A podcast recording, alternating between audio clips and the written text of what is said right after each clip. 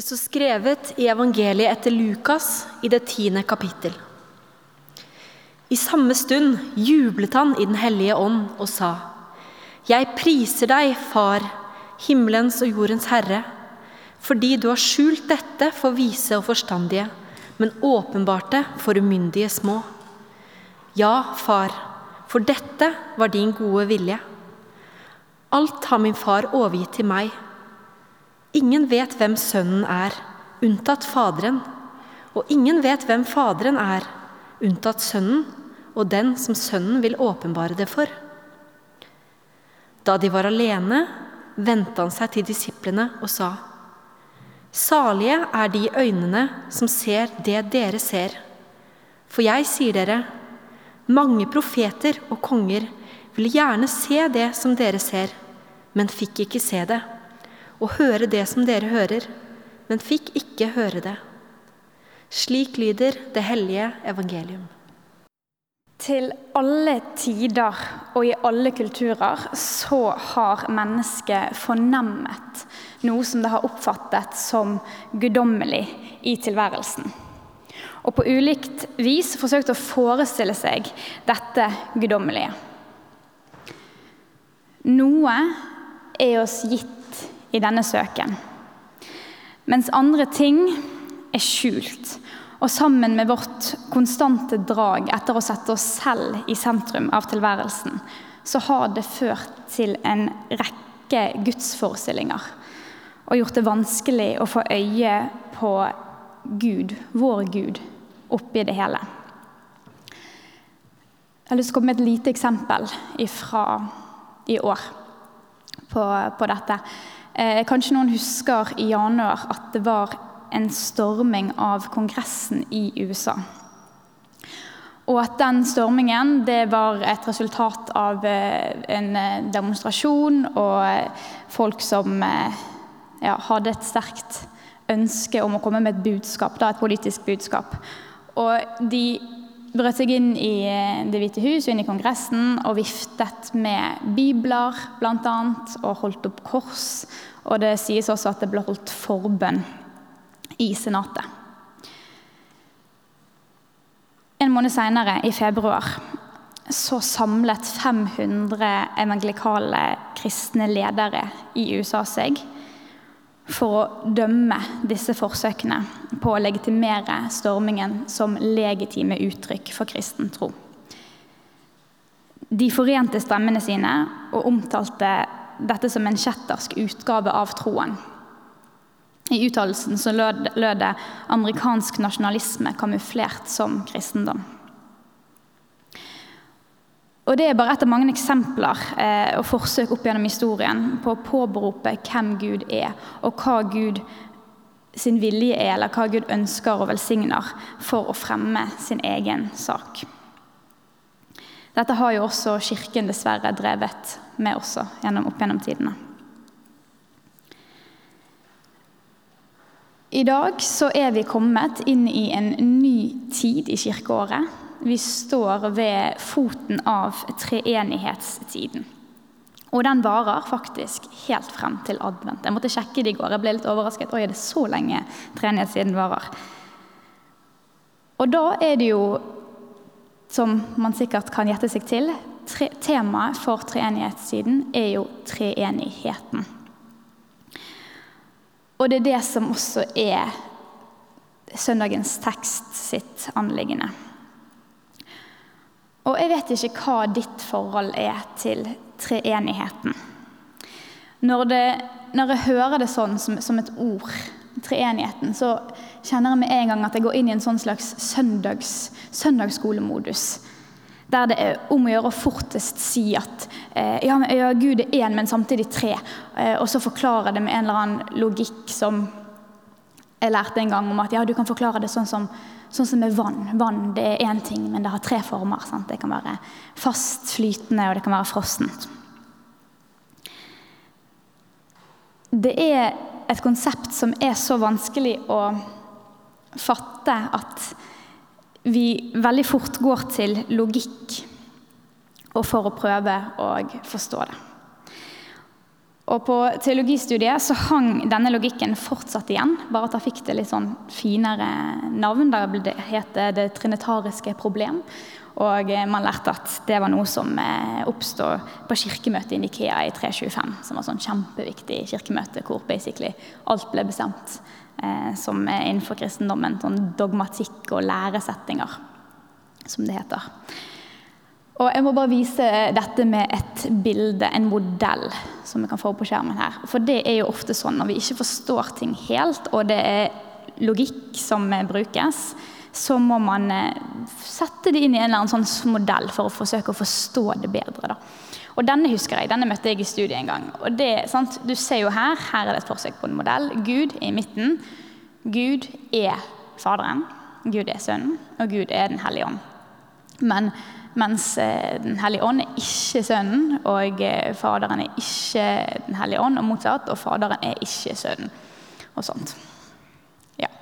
Jeg vet ikke om denne her gir mening for dere, men, men for meg så ble det noe som fortsatt eh, var på et sånt slags abstrakt nivå. Det var denne modellen og, eh, og dette dogmatiske rundt treenigheten. Det var liksom ikke i samsvar med, eh, med nødvendigvis det jeg opplevde eller erfarte som, som Gud, Jesus og Den hellige ånd. For vi har jo ved siden av logikk, ved siden av dogmatikk, så har vi våre egne erfaringer, våre liv, som ikke nødvendigvis kan passe inn i en eller annen modell. Og jeg husker fra jeg eh, var mindre, så var det sånn ok, Gud, den, Gud kjøper jeg. Gud er skaper, allmektig, allhersker. altså den, den er, Noe må jo ha vært opphavet for alt dette her. Eh, noen må ha ønsket en skapelse, og jeg kan se for meg at det, det er Gud. Det syns jeg ga mening. Eh, Jesus, da blir det liksom, det blir litt vanskeligere. Man må ta stilling til, eh, til litt flere ting.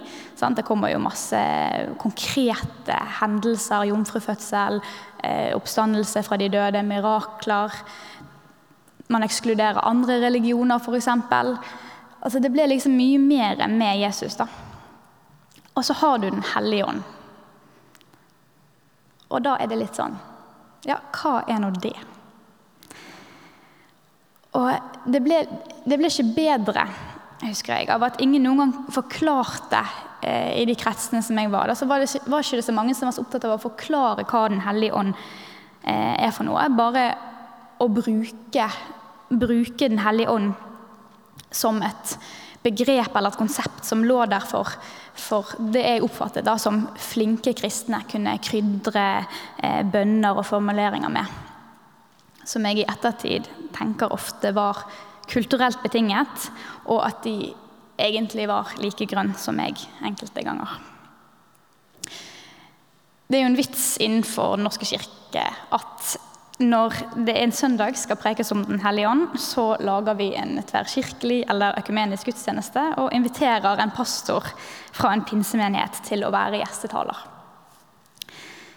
Ja, så det er litt om min sånn tilnærming til treenigheten.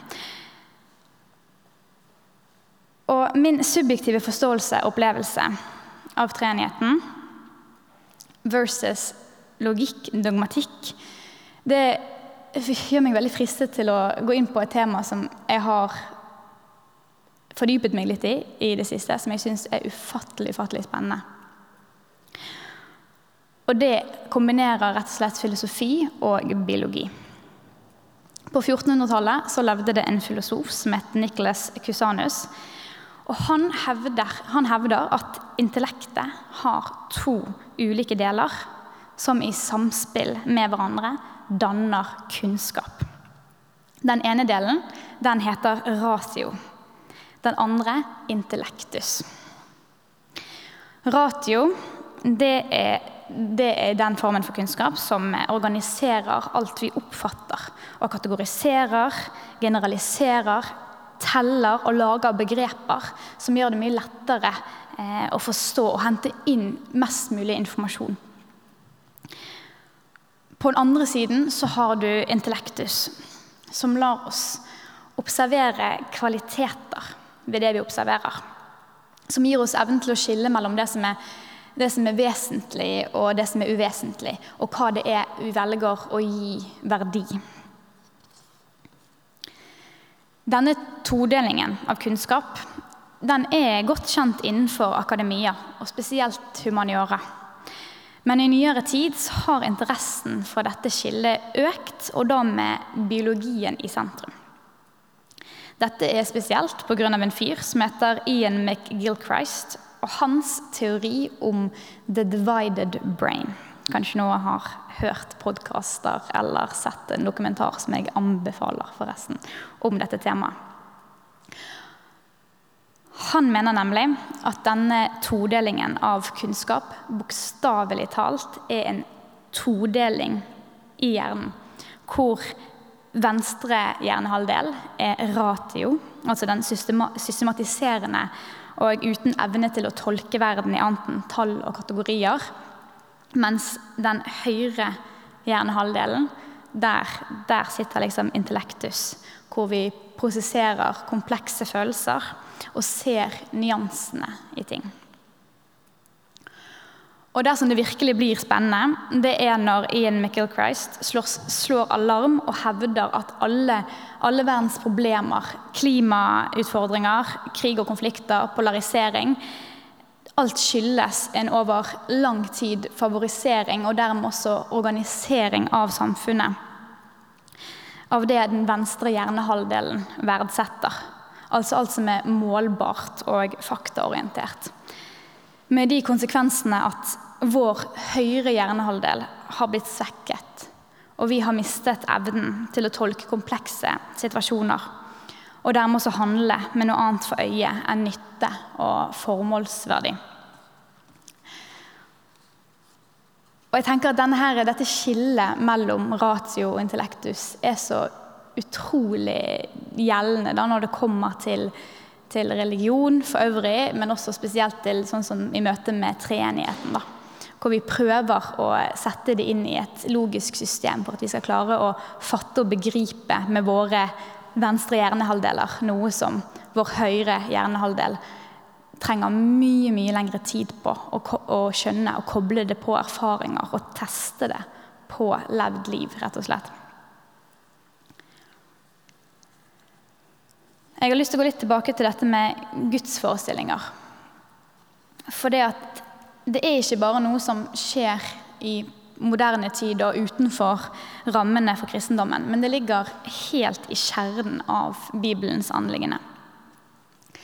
Hele Det gamle testamentet det er en lang fortelling om israelittene og andre på den tiden som prøver å forstå hvem Gud er. Pga. ulike behov, forestillinger, samfunnshold og livssituasjoner så har vi i GT et hav av gudsbilder. En heidundrende polyfomi som i tillegg ble dannet under en periode på flere tusen år.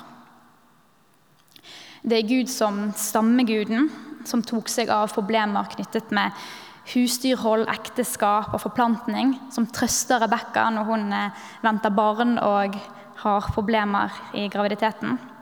Og som vi kan lese om i 1. Mosebok 18, at kom på besøk til Abraham og Sara i ørkenen og drakk fløtemelk i skyggen av et tre. Så litt lengre ute i Gamle Testamentet så skildres Gud, eh, da ofte under navnet Jave, som en fjern Gud som også har en farlig herlighet ved seg, som gjør at eh, menneskene de måtte tilbe ham på avstand og kom til å dø dersom de kom for nærme. En gud som vi hører eh, i fortellingen om utvandringen fra Egypt, sender landeplager og fører blodige kriger mot alle som kan være en trussel for israelsfolket. Og her tenker jeg at Det er viktig at man ikke klandrer seg selv dersom man ikke klarer å forene disse, disse gudene, eller i det hele tatt få øye på den guden som, som du ønsker å sette din lit til. For alle gudsforestillinger fører ikke frem til Gud. Men det er viktig å være de bevisst for å kunne skjelne Gud, vår Gud, oppi det hele. For Gud er der, som en som roper på mennesket og prøver å gjøre det oppmerksom på sin eksistens. Og så innbiller jeg meg at Gud etter hvert ble lei av å rope. Lei av å se de mange forsøkene menneskene gjorde på, på å nærme seg Gud, som ofte gjorde mer vondt enn godt. Derfor så steg Gud ned. Og for å sitere en av mine favorittteologer, Åste Dokka Med Jesus så skrudde Gud ganske enkelt på lyset. Før Jesus så var det delvis mørklagt for oss hvem Gud er. Og det Sitatet det blir enda bedre når vi vet at Jesus omtalte seg selv som verdens lys. Og hva er det, er, hva er det lys gjør? Eh, altså Lysets fremste funksjon det er jo at det lyser opp det som er mørkt, slik at vi kan se det rundt oss for det som det faktisk er. da. I dagens tekst så sier Jesus til disiplene sine Salige er de øyne som ser det dere ser. Det greske ordet for salige det er makarios og kan forstås som hellig eller lykkelig.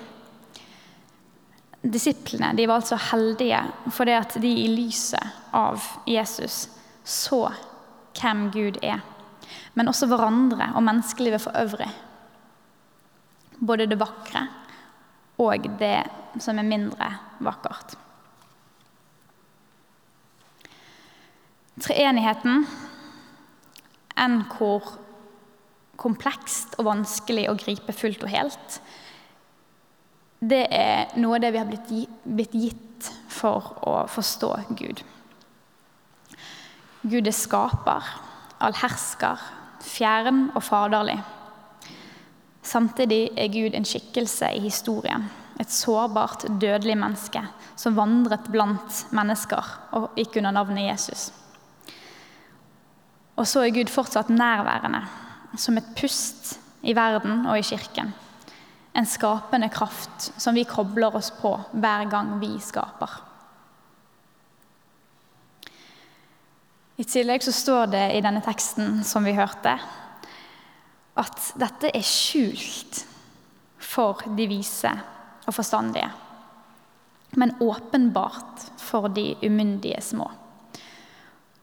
Og jeg tenker at i dette så ligger det så utrolig mye trøst og hvile for alle oss som baler med hvem Gud er, og hvordan vi skal leve eh, gode liv i etterfølgelse av Han som kaster nytt liv, nytt lys på alt rundt oss. Det er kontraintuitivt og komplett bakvendtland At det er de som tenker de skjønner minst, som er nærmere sannheten, enn de som tror at de allerede har funnet den. Det finnes ikke en sterkere oppmuntring enn det, tenker jeg, til å være ydmyk og spørrende overfor hvem Gud er.